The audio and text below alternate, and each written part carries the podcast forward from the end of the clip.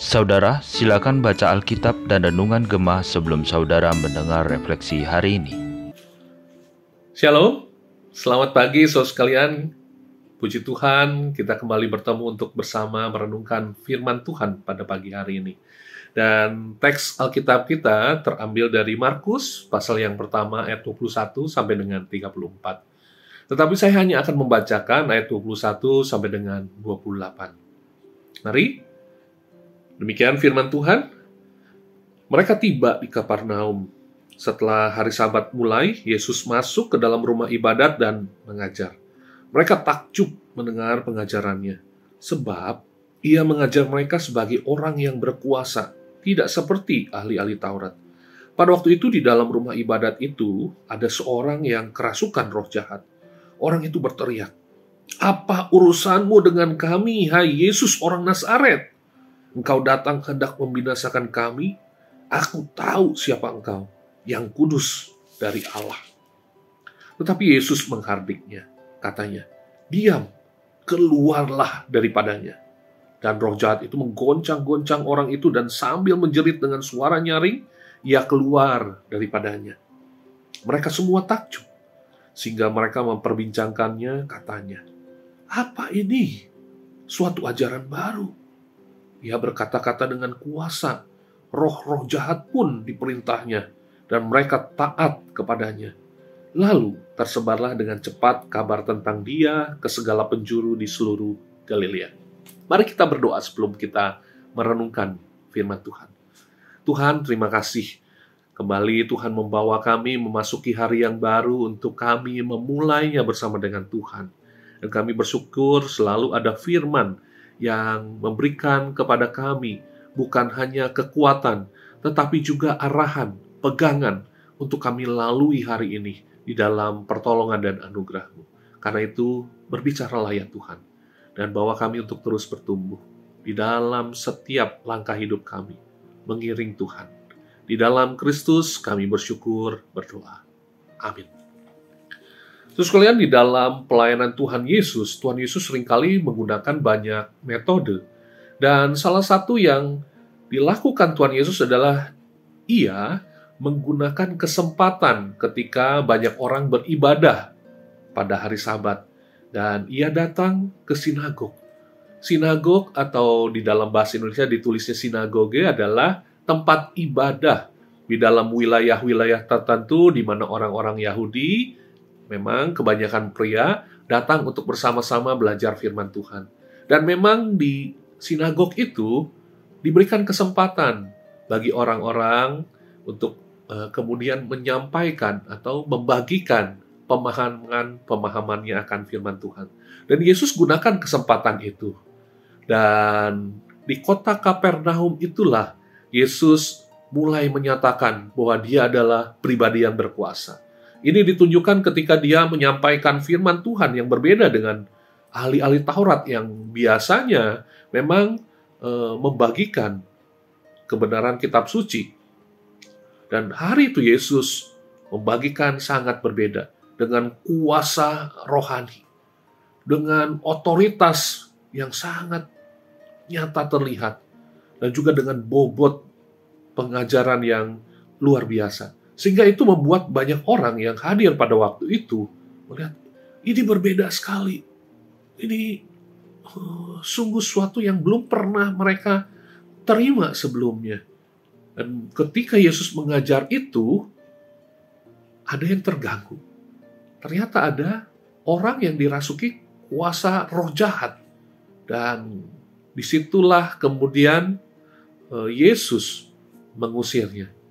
Dan ketika ada sebuah interaksi, Alkitab mencatat bahwa roh jahat itu mengakui bahwa engkaulah Yesus yang kudus dari Allah. Ini sebuah pengakuan. Roh jahat mengaku ketika mendengar apa yang diajarkan Yesus dengan kuasanya. Dengan otoritas rohaninya, roh jahat itu menyadari siapa sosok yang ada di depannya. Tetapi sayangnya, orang-orang Yahudi pada waktu itu tidak menyadari. Walaupun mereka terkesima mendengar pengajaran Yesus yang tidak seperti yang biasa disampaikan oleh eh, pemuka-pemuka agama mereka. Dan ini juga Yesus tunjukkan ketika dia datang, mampir ke rumah ibu mertua Petrus yang sedang sakit dan menyembuhkan di sana. Orang-orang terkesima bahwa pengajaran-pengajaran Yesus yang penuh dengan kuasa, dengan bobot yang luar biasa, dan kemudian dinyatakan juga dengan uh, pengusiran roh jahat, penyembuhan. Sayangnya itu hanya membuat mereka kagum, tidak membawa mereka untuk mengenal siapa sosok Kristus. Mereka hanya mengagumi ajaran Yesus, mengagumi apa yang dilakukan oleh Yesus, tetapi tidak sampai kepada iman yang percaya, iman yang mengenal. Di dalam kehidupan kita, ketika kita berinteraksi, mendengar firman Tuhan, ketika kita melihat perbuatan-perbuatan Tuhan yang ajaib di dalam kehidupan kita, apakah kita lewat pengalaman dan juga mendengar firman Tuhan itu membawa kita justru mengenal Tuhan ataukah kita hanya mengagumi siapa yang menyampaikannya? Kita hanya menerima ajarannya tetapi tidak membawa kita kepada pengenalan. Dan ini banyak kali terjadi di dalam kehidupan orang-orang percaya. Dan lewat firman Tuhan hari ini mari sama-sama kita memohon kepada Tuhan agar di dalam kehidupan kita ketika firman Tuhan kita dengar dan ketika kita melihat pengalaman-pengalaman hidup kita menyaksikan perbuatan-perbuatan ajaib Tuhan yang mungkin uh, kita lihat yang mungkin kita rasakan apakah itu membawa kita justru semakin percaya semakin mengenal Tuhan semakin akhirnya membuat kita uh, menyerahkan kehidupan kita sepenuhnya di dalam penyertaan pimpinannya? Ataukah itu hanya membuat kita, oh ya, pengajarannya baik, perbuatan-perbuatan ini, ah, ini banyak orang juga bisa lakukan. Ah, ini hanya kebetulan. Tapi Tuhan ingin agar kita membuka hati kita. Tuhan ingin agar apa yang kita alami, apa yang kita saksikan, itu semua membawa kita melihat otoritas daripada Tuhan.